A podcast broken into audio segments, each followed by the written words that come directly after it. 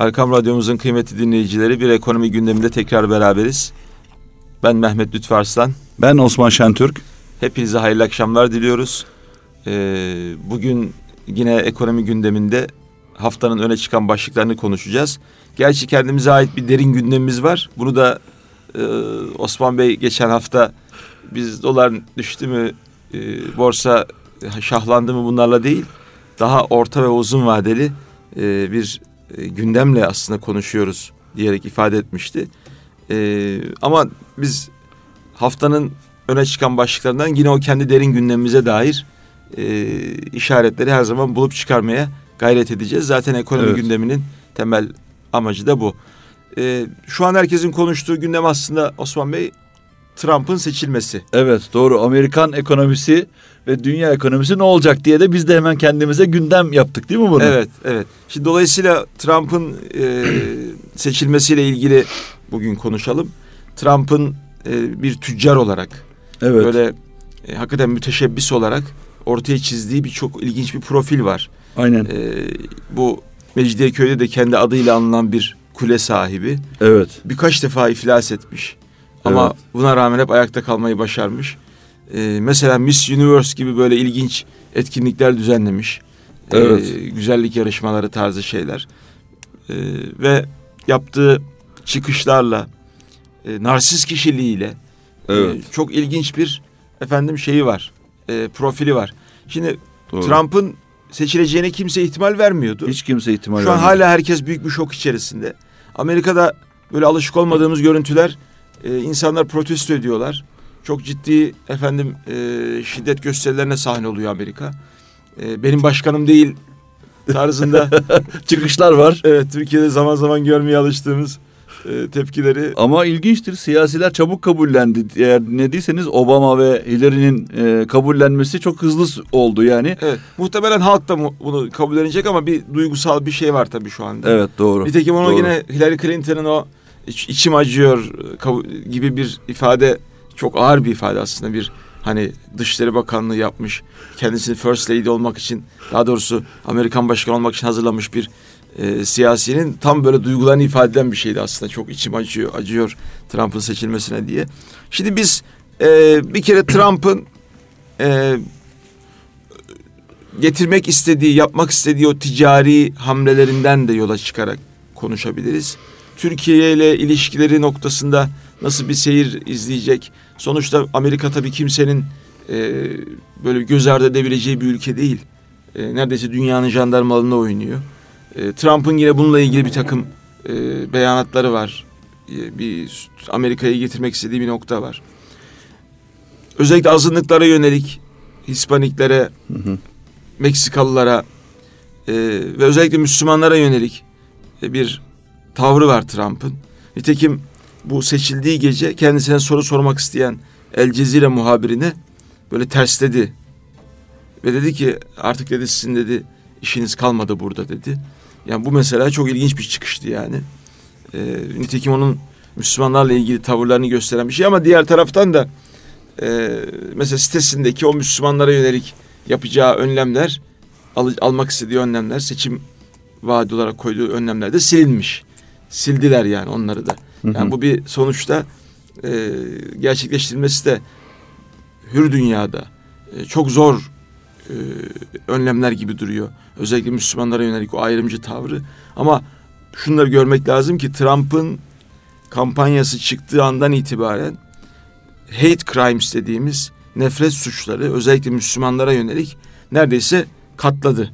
Arttı yani çok ciddi bir artış gösterdi bu trendin devam edeceğini de birçok siyasi yorumcu öngörüyor. E, dolayısıyla siyaset ve ekonomi bu anlamda birbirinden ayrılamaz. Evet, e, da, evet doğru.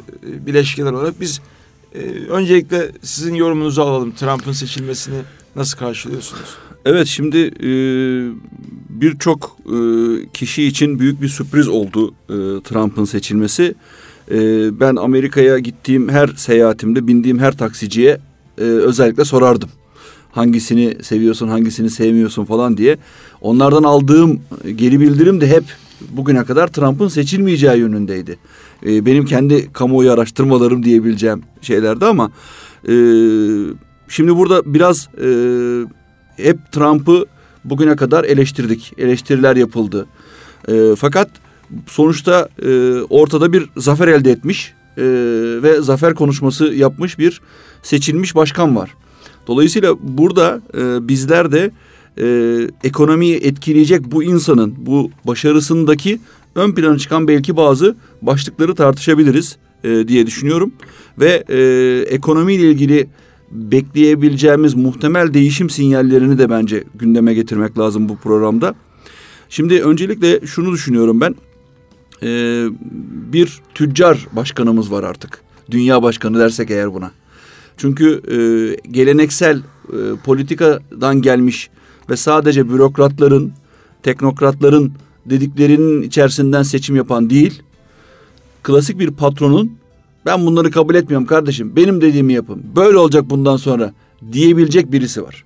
Niye bu özgüven kaynaklanıyor? Çünkü parası var. Çünkü parası var ve geçmişte yaptığı hiçbir şeyde bunları bakın bu konuda girişimcilikle ilgili hemen ilişkilendirelim. Girişimcinin en büyük özelliklerinden bir tanesi statükoyu yıkmalarıdır. Yani ve mevcut durumu kabullenmemeleridir. Her şeyi e, standart kabullenen insanlar girişimci kolay kolay olamazlar. Ve e, bugüne kadar çevredeki birçok insanın ya bu böyledir, bu böyle gelmiş, böyle gider dedilen şeyi kabul etmiyorum kardeşim. Bundan sonra ben bunu değiştireceğim diyebilme cesaretidir. Dolayısıyla iyi liderlerde, iyi patronlarda bu özellik vardır. Ve şu anda Trump'ın gösterdiği bir özellik boyutu olarak bunu kabul etmek lazım. Yani Meksika'ya duvar öreceğim dediği zaman ortalık karışıyor. Ama e, şimdi dinlediğiniz zaman çok ilginç teorileri var. Diyor ki ben bir kere diyor Meksika'ya bu öreceğim duvarı diyor kendim parasını harcamayacağım ki diyor. Meksikalılara yaptıracağım diyor. Şimdi herkes bir daha şaşırıyor. Ne demek ya nasıl yani? Hem buna para harcayacaksın hem onlara yaptıracaksın. Ya diyor gel bir diyor bakalım diyor onlarla aramızdaki ticaret açığına diyor. Bilmem kaç yüz milyon dola, milyar dolar.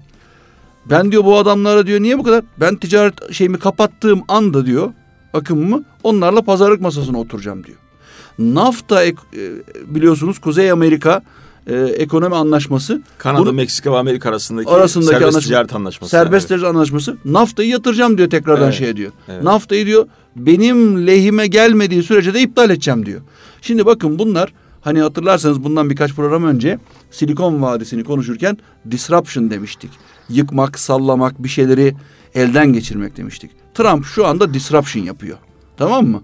Diyor ki bugüne kadar... Ya en azından yapacağını vaat etti yani. Vaat ediyor ama vaat etti demeyelim sadece. Koskoca bir seçim kazandı adam. 18 aylık süren bir kampanyaydı bu unutmayın. 18 ayda bugüne geldi. Ve 18 ay boyunca bunları bıkmadan, yorulmadan kendisine hakaretler edildiği halde savunmaya devam etti. Şimdi buralarda eleştirebilirsiniz ama şunu görmek lazım. Adam azmetti, gayret etti, sebat etti. Şu ve ana bunu, kadar. Ve bunu da sadece demokratlara karşı değil, Evet. Cumhuriyetçilere karşı da yaptı aslında. Evet. Cumhuriyetçinin ciddi cum liderleri son haftasında bunu terk ettiler evet, onu. Ya yeter evet. dediler biz bu adamı mı şey yapacağız dediler. Evet, evet, aynen. Ama e, şimdi bakın orada bazı ben mesela e, şöyle farklı şeyler görüyorum. Mesela başarılı olmuş. E, Sayın Erdoğan'ın Türkiye'de e, Sayın Cumhurbaşkanımızın başarılı olmasında en büyük fark neydi? Sessiz yığınlar denilen halk kitlelerini etkileyebilme, onların derdiyle dertlenip onları kendini ikna edebilmeydi. Trump da Amerika nezdinde bunu yapmıştır. Amerika'nın sessiz yığınları dediği işsizler ordusuna, Amerika'nın içerisindeki mevcut statikaya, mevcut lobilere karşı artık bir kim beslemiş topluma karşı bir onların güvenini kazandı. Neyle kazandı biliyor musunuz bunu? Bence samimiyetle kazandı. Çünkü ben buyum kardeşim dedi. Yani beni böyle kabul edin dedi. Böyle sıradan e, işte politikacı gibi e, laf cambazlıklarıyla falan değil. Beni benimle kabul edin. Şimdi bu samimiyet buradaki adamın içiyle dışının bir olması izlenimi o insanlar açısından çok önemliydi bence. Ve o insanlar ona güvendiler. Şimdi bu liderlik açısından da bir yönetim modeli açısından da çok önemli bir şey. Bakın liderlerin en büyük özellikleri sadece emir vermek değildir. Liderlerin en büyük özelliği bence insanlar üstünde oluşturdukları samimi güven ortamıdır. Niye Allah Resulü'ne biz baktığımız zaman el emin sıfatı ön plana çıkıyor? Daha peygamberlik ilan edilmeden el emin sıfatı kazanılmış. Yani insanların hepsinin güvendiği bir insan. Samimiyetiyle, dürüstlüğüyle. Şimdi burada mesela bir hemen Buyurun. bir katkı yapayım Osman abi. Evet. e, Osman buyurun, Bey. buy- buyurun Lütfü Beyciğim. Şimdi bizim e, liderlikle ilgili çok ciddi araştırmalar yapılıyor. Yıllardır da hatta 10 yıllardır bu iş araştırmalara konu oluyor. Bir insanı lider yapan özellik nedir? Özellikler nelerdir diye. Bununla ilgili çok çeşitli teoriler üretilmiş. Son üretilen teorilerden bir tanesi tam da sizin dediğinizi destekleyecek tarzda otantik liderlik. evet. Yani otantik dediğimiz zaman hani şimdi herhangi bir yerde bir ya burası çok otantik bir mekan dediğimiz zaman ne kastediyoruz? Yani doğallığını kaybetmemiş. Aslında bir efendim e, kendine ait e, burayı özellikle bir hani cafcaflı hale getirmemişler. Şimdi insan için otantikliği düşündüğümüz zaman olduğu gibi neyse o Samimi. samimi yani doğal, organik. Şimdi bu açılardan bakıldığı zaman hakikaten Trump'ın otantik bir lider olduğu çok açık. Yani içinden geleni olduğu gibi söylüyor. Bir de çok böyle ahım şahım bir hani vizyonu böyle değerlendirişi falan filan da yok. Tam Tabii, halk adamı. Aynen öyle. Halk adamı Evet. diyebilirsiniz. Yani Yani, o Halkın diliyle konuşuyor. Değerlendirmelerinin belki hani yüreği ferahlamak derler ya insanlar. Evet. "Ha, şunu söylese de yüreğimiz ferahlasa dedirtmiştir. Şimdi bu dünyada yeni çıkan bir aslında lider tipi. Bunun ortaya çıkarttığı bir şey var. Bir gerçek var onu görmek lazım. Ee, akademisyenlerin, bürokratların ya da teknik yönü önde çıkan. Hani biraz önce dediniz ya e, elitlerin daha doğrusu Evet doğru. üniversite mezunları olarak e, ortaya koydukları o tırnak içerisindeki uzman kişilik ya da e, tip artık yenilgiye uğruyor her yerde. Bu sadece e, Türkiye'de değil Avrupa'da Avrupa'da da nispeten mesela bu Statikoculuk, bir kibir içeren Evet. e, ben şuyumculuk diyorsunuz aslında değil mi? Evet evet. Yani normalde işte halka söylenecek popülist bir takım sözler vardır. E biz arkada o oylarını aldıktan sonra kendimize göre bir dünya kurar. Oradan yürü. Bu artık olmuyor. Yani demokrasi oyunu dediğimiz Evet. tırnak içerisindeki oyun böyle gitmiyor. Ama şunu da görmek lazım Osman Bey onu da atlamayalım. Şimdi Avrupa'da özellikle son 10 senede yükselen bir ırkçılık dalgası var. Evet. Bu ırkçılık dalgası özellikle e, Müslümanların e, artık kendi ekmeklerine ve kendi pastalarına ortak olduğuna dair bir inanıştan kaynaklanıyor. Aynen. Ve işsiz yığınlar özellikle ya bunlar geldiler bizim ekmeğimize ortak oldular artık bunların e, gelmemesi lazım gitsinler tarzında Nazi e, partilerinin yükselişi, ırkçı partilerin yükselişi bu aslında temele dayanarak ortaya Tamam. çıktı. Şimdi bu Atlantik ötesine de sıçradı diye düşünüyorum ben. E, Atlantik ötesinde de kesinlikle haklısınız. E, çünkü e, şöyle bir kavram oluştu. Batı bugüne kadar ektiğini biçiyor şu anda. Ne anlamda ektiğini biçiyor? Bugüne kadar onların gözünde e, Orta Doğu'daki savaşlar hiç umurlarında değildi onların. Ta ki göçmen dalgaları onların sokaklarında e, iş arar, ekmek arar duruma gelince dediler ki bir dakika bunların burada ne işi var? Çünkü hani sanki onlar ayrı bir gezegende yaşıyor gibiydiler bugüne kadar hayatlarında. Sömürürken iyi, Tabii onlar o insanlar ölürken şey yaparken kimse ya yüz binlerce insan ölüyor. Öbür tarafta bir bakıyorsun üç kişi beş kişi öldü deyince ortalık yıkılıyor. Ya insan eşitse eğer insana aynı değeri veriyorsak eğer bunun ha şu milletten olmuş ha bu milletten bu fark etmez. Bizim değerlerimizde bu var. Ama bugüne kadar batının bu çifte standardı bugün iyice yüz gör- ortaya çıktı. Şimdi Amerika'da da aynı durum dediğiniz gibi gerçekleşiyor. Özellikle de Latin dediğimiz bizim Meksiko'dan, Güney Amerika'dan oraya göç edenlerin ciddi anlamda beyaz Amerikalıların işlerini almaya başlaması orada çok büyük bir işsizliğe doğru sebebiyet verdi. Bu işsizliğin şimdi Trump'ın da zaten kazanmasındaki en büyük vaatlerinden bir tanesinin göçmen karşıtlığı olmasının temel sebebi aslında bir ekonomik neden. Çünkü insanlardaki algı göçmenler geldi bizim işimizi elimizden aldılar diye. Özellikle işte Detroit, Michigan gibi yani Ford'un veya diğer büyük araba markalarının fabrikalarının olduğu yerlerde fabrikaların kapanıp bunların Meksiko'ya taşınması ve oralarda fabrikaların açılıyor olması Amerikan halkı üzerinde zaten bir işsizlik anlamında bir psikolojik şeydi, yaraydı. yani Ford'un o e, Detroit'teki e, çekilmesiyle ortaya bir hayalet şehri nasıl ortaya çıktığını Evet. bizzat gidip görmüştük. Gerçekten ne kadar e, ilginç bir Tabii şey. çünkü- Koskoca bir efendim Şimdi, Amerikan efsanesi diyebileceğimiz bir... Tabii ekonomi bakın çok hassas bir şey. Araba dediğiniz zaman sadece bir araba fabrikası değil. O araba fabrikasının koltuk fabrikası başka bir yerde. Onun motor fabrikası başka yan bir yerde. sanayiler değil mi? Yan sanayiler. Yani o yan sanayileri koyduğunuz zaman, o yan sanayilerin de altındaki sanayileri koyduğunuz zaman bunu tıpkı bir ağaç düşünün aşağıya doğru büyüyen bir e, dalları var bunun. Dolayısıyla siz o en ana şeyi çıkartıp başka bir yere götürdüğünüz anda bütün bu sistem çöküyor. Şimdi e, burada Trump'ın birkaç konuşmasını dinledim. Orada özellikle altını çizdiği birkaç şey var. Diyor ki ben diyor mesela bu Ford'un diyor çıkmasına müsaade etmezdim diyor. Başkan olarak. Tam tüccar başkan dememiş şey. Oturacaksın burada diyor. Sen madem malını bu, an, bu insanlara satıyorsun, bu ülkeye satıyorsun, bu ülkeye de üreteceksin derdim diyor. Şimdi bakın bunlar var ya çok e, ilginç. E, yani işsiz insana çok anlamlı gelebilecek şeyler. Tabii. Ve gerçekten o hani kapitalist mantıkta şey vardır ya nerede ucuzsa oraya giderim Tabii. ben. Ama sonuçta burası benim ekmeğim. Ben buradayım. Ay, Başka bir yere gidemiyorum ki ben. O, oradan o sessiz yığınlar dediğimiz, işsiz halk toplulukları dediğimiz ezilmişlerin üzerine oynadı ve oradan onların ekonomik ihtiyaçları üzerine oynayaraktan bu şeyi kazandı. Şimdi baktığım zaman e, Zafer konuşmasını dinledim. Çok e, ilginçti. Çünkü orada birkaç şey başım çok dikkatimi çekti. Hani senin geçen e, haftalarda bir sözüm vardı ya Lütfü Beyciğim. E, neydi? Tilkinin 19 hikayesi varmış. 8'i tavukla mı ilgili demiştim. 10 hikayesi var 9'u. 9'u tamam. Şimdi bu da sonuçta en nihayetinde bu da bir e, inşaatçı değil mi? E, bir yatırımcı. Diyor ki konuşmasında.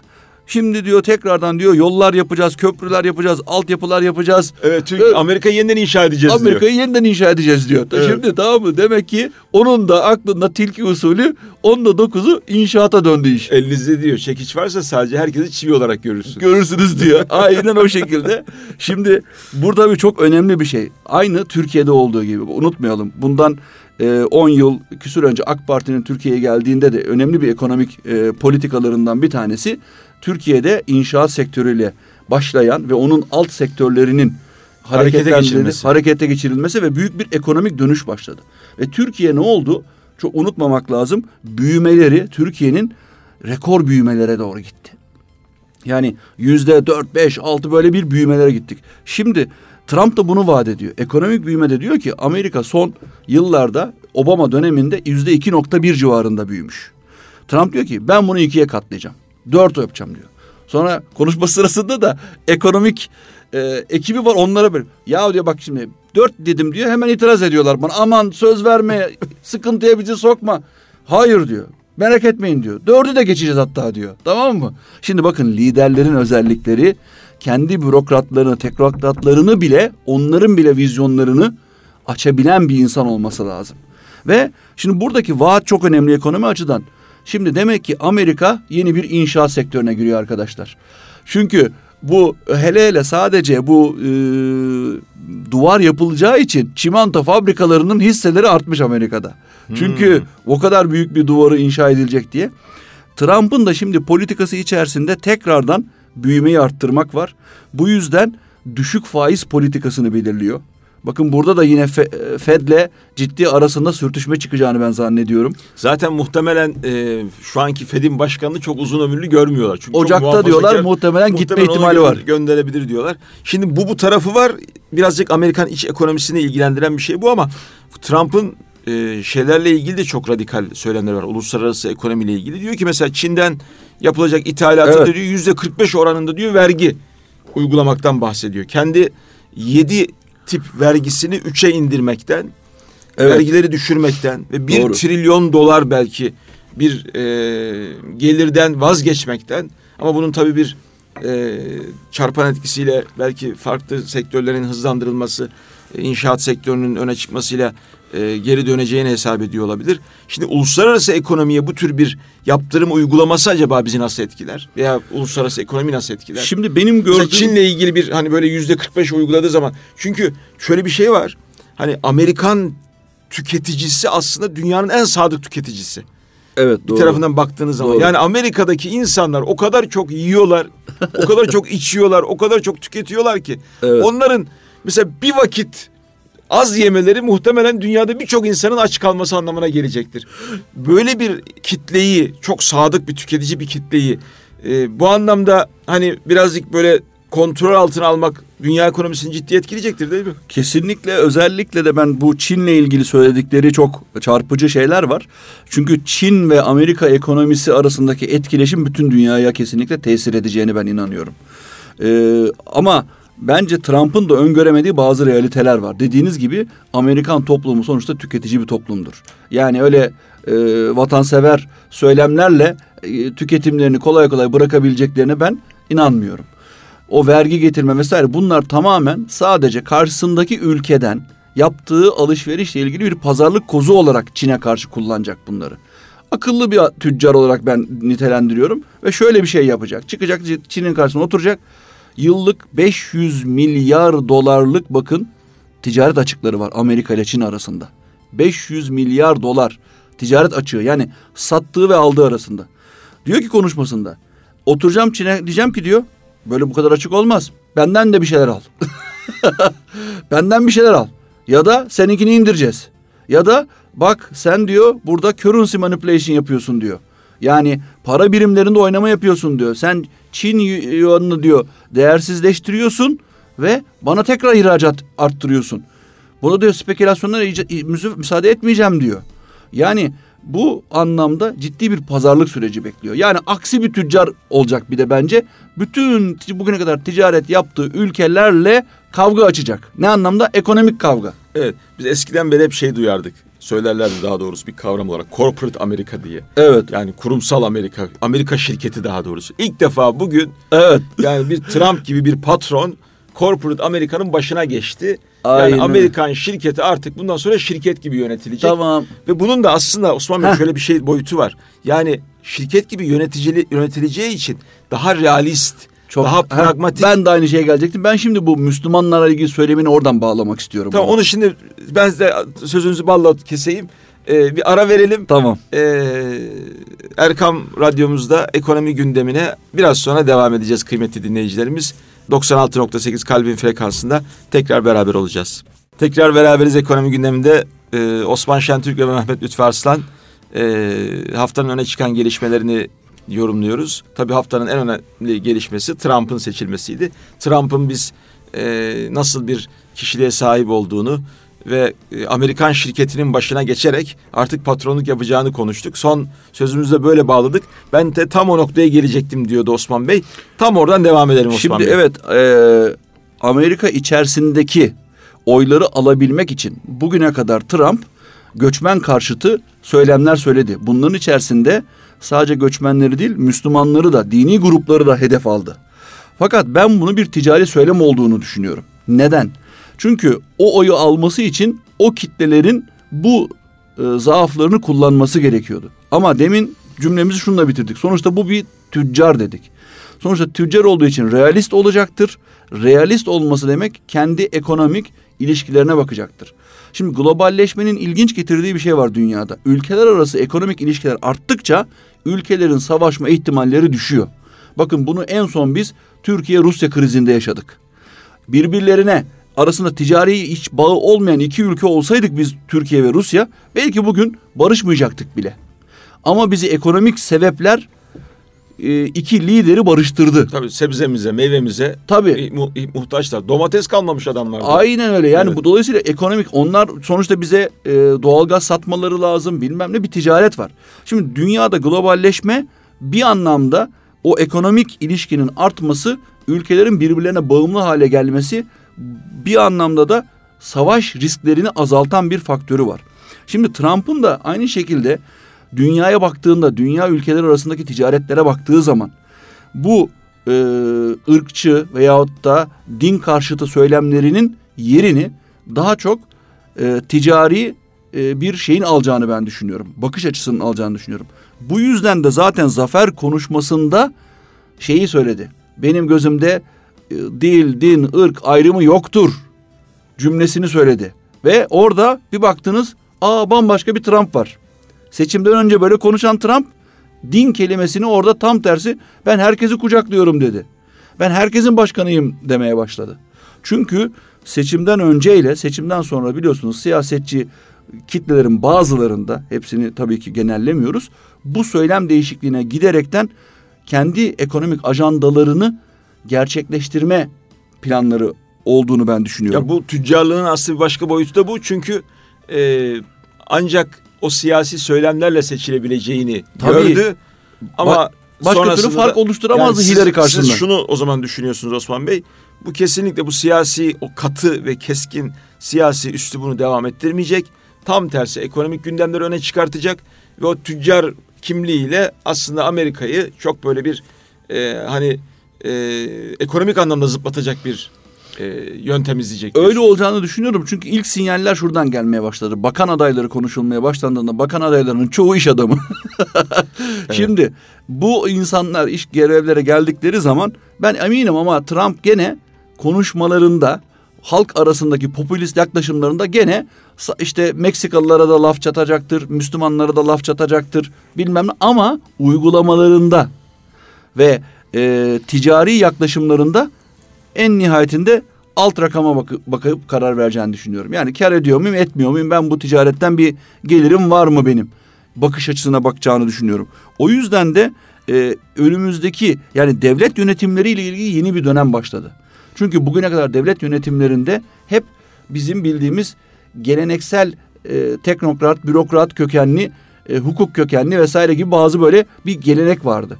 Onun yerini tüccar iş adamları geleneğin gelmesiyle birlikte bozulmaya başladı. Sözünüzü ben e, bitireceğim. Şimdi mesela e, Recep Tayyip Bey'in de başarılı olmasının altında ben bunu hep e, görmüşümdür. Türkiye'de e, o e, siyasi elitin içerisinden gelmeden, halkın içerisinden, ticaretin içerisinden gelen bir kişi belli kabulleri ve dogmaları reddetti. Bunu ekonomi alanında da yaptı. Hatta birçok e, kendini büyük e, ekonomi uzmanı iddia eden insanların görüşlerinin aksine daha net reel ekonomik ya- yaklaşımlarla bir 12 yıllık biz mesela bir e, Türkiye'de şey gördük, ekonomik dönüşüm gördük. Şimdi o yüzden Trump'ın da ben buna benzer bir e, yaklaşım ortaya koyacağı yönünde bir hissiyata sahibim. Şimdi burada biraz ge- geçmişe bakarsak bu özellikle e, Baba Bush'un e, rakibi Bill Clinton değil mi ilk? Evet. Ba- baba e, Bush'u Clinton indirdi. Yanlış Veya- hatırlamıyorsam öyle. Öyle, tam- öyleydi sanki. Yani ilk Clinton'ın Evet. seçildiği dönemin e, sloganı, daha doğrusu demokratların kullandığı slogan It is economy stupid. Yani tabii ki ekonomi yani aptal e, ekonomiden dolayı bu iş niye oldu acaba? Nasıl oldu da bu kazandı diye e, hep böyle bir soru işareti vardı. O çok böyle klişe olarak demokratların kullandı. Tabii ki ekonomi yüzünden kazandık. Yani ekonomik bir vaat yüzünden kazandık tarzındaydı ama hani sonraki süreçte şimdi bakıyoruz e, o aradaki Bush'un devrini saymazsak mesela Clinton'ların e, hem e, Bill Clinton hem de Hillary Clinton hem de Obama'nın aslında e, temsil ettiği siyah olmasına rağmen özellikle Obama'nın temsil ettiği o Harvard'dan, Yale'den Evet. işte bir takım böyle Elit. Ivy hani fil dişi lig dedikleri o aristokrat e, kitle. aristokrat kitle. Aslında Amerika'nın aristokratları Amerika'yı yönetiyorlardı ve şurada ilginç bir şey var. Bunu e, ifade etmek lazım. Bir takım lobiler de evet. bu aristokratları böyle e, enterne ederek tabiri caizse kafa kola alarak kendi çıkarlarını yürütme noktasında Manipüle gayet edebiliyorlardı. Evet çok güzel bir yol bulmuşlar. Aynen. Ve oradan devam ediyorlardı. Hatta Türkiye'den ithal edilmiş bir lobi de e, burada terör örgütü olarak belki artık ifade edilen bir lobi de tam bu yoldan giderek Amerika'da kendisine çok güzel bir hareket alanı bulmuştu. Yani 100 tane senatör var alt topu yani 100 tane aristokrat insan. Bunları bir şekilde enterne ederseniz ki bunun tek yolu aslında onların seçim e, harcamalarına e, sponsor olmaktan geçiyor. Bir şekilde kendi çıkarlarınızı ya da gündeminizi ya da ajandanızı onların önüne koyup kabul ettirme imkanınız vardı. Aslında bu teori de şimdi çökmüş oldu. Niye? Çünkü birisi Aynen. çıktı dedi ki yani tamamen böyle herkesin güldüğü yani işte Meksika'ya duvar yapacağım ya da bu Müslümanları artık içeriye sokmayacağım gibi böyle aslında radikal gelebilecek ve muhtemelen yapamayacağı birçok şeyi e, halkın karşısında söyleyerek aslında bir tür e, popülizm yaptı ama o aristokrat e, Evet. elitin Evet. hem gündemini hem de yöntemini bu darmadağın etti. Yani şimdi mesela iki şey daha söyleniyor. Obama'nın özellikle e, halk dostu olarak gelmişti.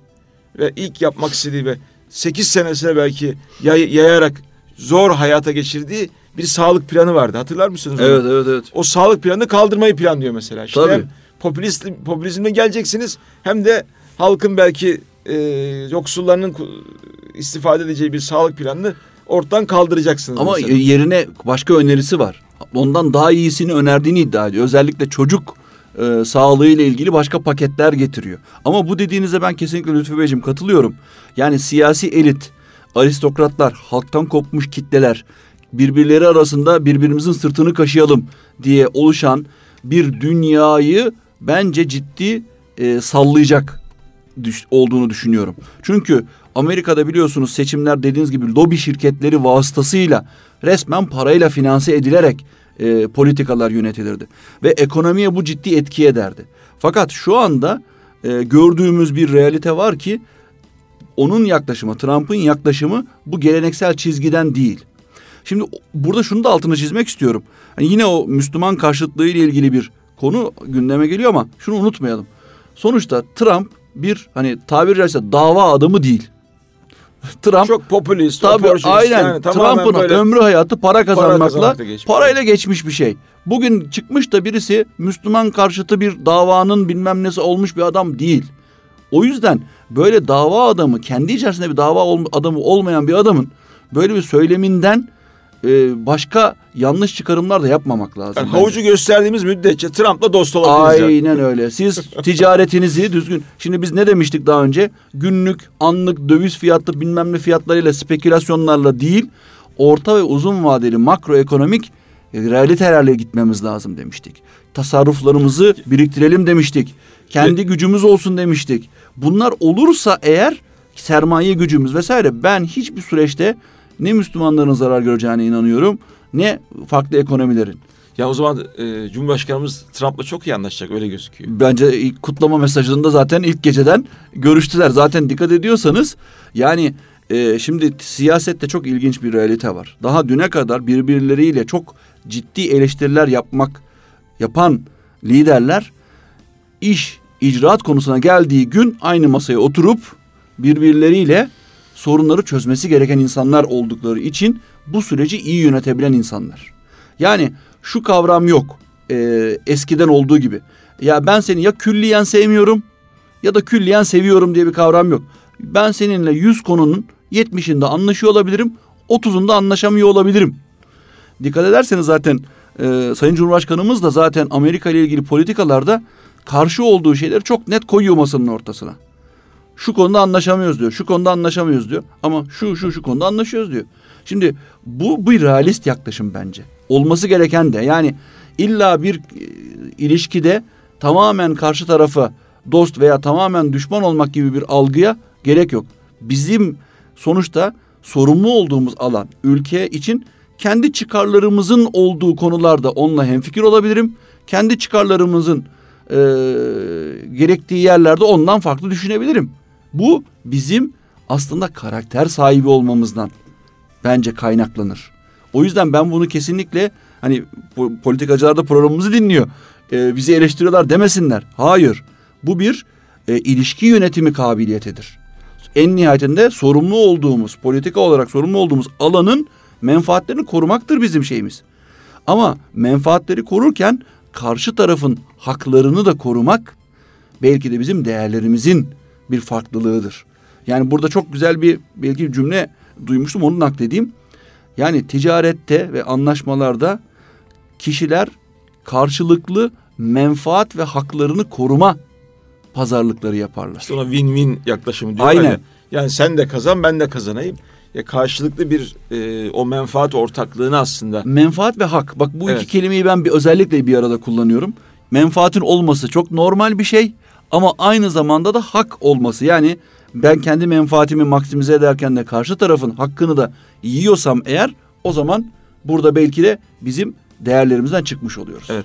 Şimdi Trump'ın e, mesela seçim vaatleri sırasında gündeme getirdiği e, önerilerden bir tanesi de mesela bu çevreyle ilgili e, ya da işte dünyanın küresel ısınmaya maruz kaldığına dair biraz belki e, yani spekülatif ya da bir takım endüstriyel gerekçelerle öne sürülmüş o demokratların özellikle hani insancıllıklarından kaynaklanan e, çevreci adı altında yapılan evet bunların hepsini de böyle bir bir tür şey olarak görüyor. Yani aldatmaca, e, tamamen üretimin önünde evet, bir engel olarak Bazı görüyor. madenler mesela kapatılmıştı. Açacağım diyor kardeşim. Onlar ekonomik evet. değerleri var. Küresel ısınma diye bir şey yoktur diyor mesela. Şimdi bu, bu gibi noktalardan bakıldığı zaman bu hani birazcık narsist kişiliği de olan kendisini evet. böyle hep ta başından beri e, başarı kazanmaya alışmış e, ve ilginç çıkışlar olan bu insanın elinin altında da yani sağ baş parmağının altında da e, nükleer silahların olduğunu düşünürsek böyle bir şey de var. Yani böyle bir çılgın adama aslında evet. bir çanta emanet edecekler. O neredeyse bütün nükleer başlıklara tek başına e, kumanda edebilecek. Şimdi böyle bir insanın gerçekten Amerika çünkü küresel ekonominin motoru konumunda. Oradaki birçok hareket, birçok hareketlenme ya da ortaya çıkabilecek aksiyon ister istemez bütün ülkeleri etkileyecek ve belki dalga dalga bize de gelecek. Düşünseniz o mor mortgage krizi. Evet. 2008'deki aslında mortgage krizinin hala etkileri devam ettiği için Trump'ın bugün bir efendim seçilme ihtimali oldu diye yorum yapan yorumcular da var. Dolayısıyla e, o konuda e, Trump'ın e, ne kadar akıllıca adımlar atacağını biraz bekleyip göreceğiz. Onu birazcık daha belki e, vakit var konuşmak için ama e, Türkiye ile iki, ilişkiler bağlamını birazcık biraz daha özel konuşsak diyorum. Hı hı. Yani mesela Türkiye ile Amerika arasında e, ki ilişkiler bağlamında Trump'ın e, nasıl bir seyir izleyeceğini düşünebiliriz. Özellikle Irak, Musul ve diğer e, dış sorunlar bağlamında ele Lütfü Beyciğim benim oradaki görüşüm bugünkü Obama'nınkinden çok çok daha iyi olacağını düşünüyorum. İlk söyleyebileceğim ha, çok şey bu. Çok iyimsersiniz yani. Evet. Ben o konuda iyimserim. Çünkü Obama'nın zaten bundan daha kötü bir şey olamazdı bence. Çünkü Obama ile ilgili biliyorsunuz hatta Amerika'da espri yapılıyor. Ya bir ülke başkansız da yönetiliyormuş gibisinden. Çünkü Obama o kadar e, ete süte dokunmamaya çalışıp sadece e, teknokratlarının, bürokratlarının sözleriyle hareket etmeye çalışan... Aslında hiç başkanlık yapamadı. Yapamadı yani öyle bir evet. karakter, bir liderlik yoktu. Bunu evet. Açıkça konuşalım yani. Aslında bir, Ova'nın başarısızlığı yani. Bak kesinlikle bugün e, bu yaşa, bugün Suriye'de, Irak'ta bugün yaşananlar Obama'nın başarısızlığıdır.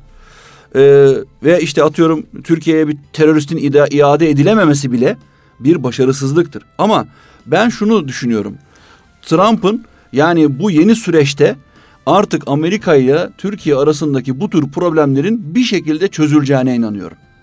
Trump'ın konuşmalarında şöyle bir kavra e, kullanıyor. Diyor ki biz diyor kavgamızı başlatacağız diyor. Zaten orta yolda bir yerde anlaşırız diyor. Çok güzel. Tam tüccar yaklaşımı. Kesinlikle tüccar yaklaşımı. Burada hemen şey aklıma geldi. İşidi dedi FBI kurdu dedi mi? Tabii. Affedersin ya Amerika Tabii Amerika yani kurdu dedi. dolayısıyla yani bugüne kadar şey duyduğumuz yani. söylemlerin çok tersi söylemlerle geliyor şu anda oraya. Ve onun şu anda görevlendirmeyi düşündüğü askeri generaller, uzmanlar, e, danışmanların çoğunluğu bugünkü mevcut Clinton politikalarını eleştiren insanlar. Özellikle Orta Doğu kanadıyla. Şimdi dolayısıyla ben inşallah Türkiye ile ilişkiler konusunda bugünden çok daha ümitliyim. Onu kesinlikle net bir şekilde söyleyebilirim. Ama ekonomi konusuna gelince bu konuda hani programımızın da sonuna geliyoruz. Şurayı toparlamakta fayda var diye düşünüyorum. Bu kadar işte yorumlar yaptık şudur budur ama bunun en nihayetinde e, dinleyicilerimiz şunu soracak. E tamam da bizim günlük hayatımıza bunun etkisi ne olacak? Bu kadar Amerika Trump konuşup duruyorsunuz da bize ne etkisi var? Ben şöyle bir etkisini olabileceğini düşünüyorum. Şimdi Amerika eğer bu yatırımlarını arttırırsa kendi içine kapanmayı, global bölgedeki para harcamak yerine kendi içerisindeki yatırım hamlelerini arttırması onun sermaye ihtiyacını ortaya çıkartacaktır. Sermaye ihtiyacının ve yatırımını içeriye yöneltmesi demek onun doların e, içeride güçlenmesi anlamına geleceğini düşünüyorum. Dolayısıyla doların güçlenmekte olduğu bir dünya ekonomisine doğru gidiş başladığında çünkü ekonomi dolar nereden beslenecek? Ekonomiden. Amerika kendi ekonomisi inşaat sektörü ve şey çark dönmeye başladığı zaman güçlendikçe ekonomi dolar da güçlenecektir. Dolayısıyla doların bu noktada önümüzdeki dönemde yükselişe geçmesini ben bekliyorum. Şu an zaten çok bütün paralar karşısında çok hızlı bir şekilde yükseliyor. Yükseliyor ve Avrupa'da da bunun tersi yani euronun vesairenin tersi bir uygul dönemi durumu yok şu anda. O yüzden önümüzdeki dönemde biz yine ilk programlarımıza dönüş yapmak istiyorum ben. Bizim dışa bağımlılık, sermayede dışa bağımlılıktan kurtulmamız lazım. O tasarruflarımızı yapmamız lazım. Birikimlerimizi yapmamız lazım. İsrafı engellememiz lazım ki bizim dışarıdan kaynak ihtiyacımızı minimize etmemiz lazım. Çünkü dışarıdan alınacak kaynağın bedelinin ben yükselme riskini görüyorum şu anda. Çünkü Trump aslında şunu diyor. Para bana lazım. Ben çünkü o adamın oyuncağı para, enstrümanı para. Yani dedik ya demin e, tavuk misali onun aklı fikri tavukta. Yani onun aklı fikri parada olacak. O yüzden de o sürekli o parayla oynamak isteyecek. O parayla bütün yani dünyadaki çevreci politikalar onlar bunlarla vakit harcayacağını ben zannetmiyorum.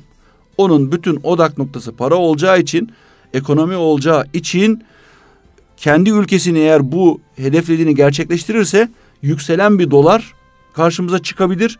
Bundan kendimizi korumak adına da bizim Türkiye'de yaşayan insanlar olarak Türk parasıyla ve ekonomimizle dolar karşısında risklerimizi yönetmemiz lazım. Yani mesela ben olsam dolar borçlanmam. Çünkü önümüzdeki dönem dolar borçlanan insanların e, borçlarının artma riski olduğunu düşündüğüm için. İkincisi tasarrufla benim öz kaynak ihtiyacımı, işletmeler öz kaynak ihtiyaçlarını kendi karşılamaya bence düşünmeliler. Ve e, büyük riskler içeren yatırımları girerken daha dikkatli olmalılar ve yanlarına gerekiyorsa sermayedarlar alıp yani hissedarlar alıp o yatırımlara gir. Bakın yatırıma girmesinler demiyorum. Ama ortaklı tabii ortaklı. Evet. Türkiye'de en yanlış yapılan işlerden bir tanesi bir yatırıma başlarlar, yatırım ortada durur, para biter. O yatırdığınız yarım para var ya işte o da israf oldu. O yüzden neyse sözü çok uzatmayalım. Ee, yani çok... sözün özü e, dolarla borçlanmayalım. Mümkün olduğu kadar tasarrufa devam edelim. Ortak bulup yatırımlarımızı ortaklarla yürütmeye gayret Öz kaynakla yapalım. Olalım. Çünkü Trump'ın e, bir patron olarak e, corporate Amerika'yı yani Amerikan şirketini e, bir patron olarak yöneteceği günlere doğru hızla ilerliyoruz. Bunun her alandaki yansıması muhakkak bizi de gelip bulacak. E, bu bağlamda bugün ekonomi gündeminde kıymetli dinleyicilerimiz Trump'ı yeni seçilen Amerikan başkanını konuştuk. E, biz her cuma 19'da buradayız. E, sizi de bekleriz. Bugünlük bu kadar diyoruz.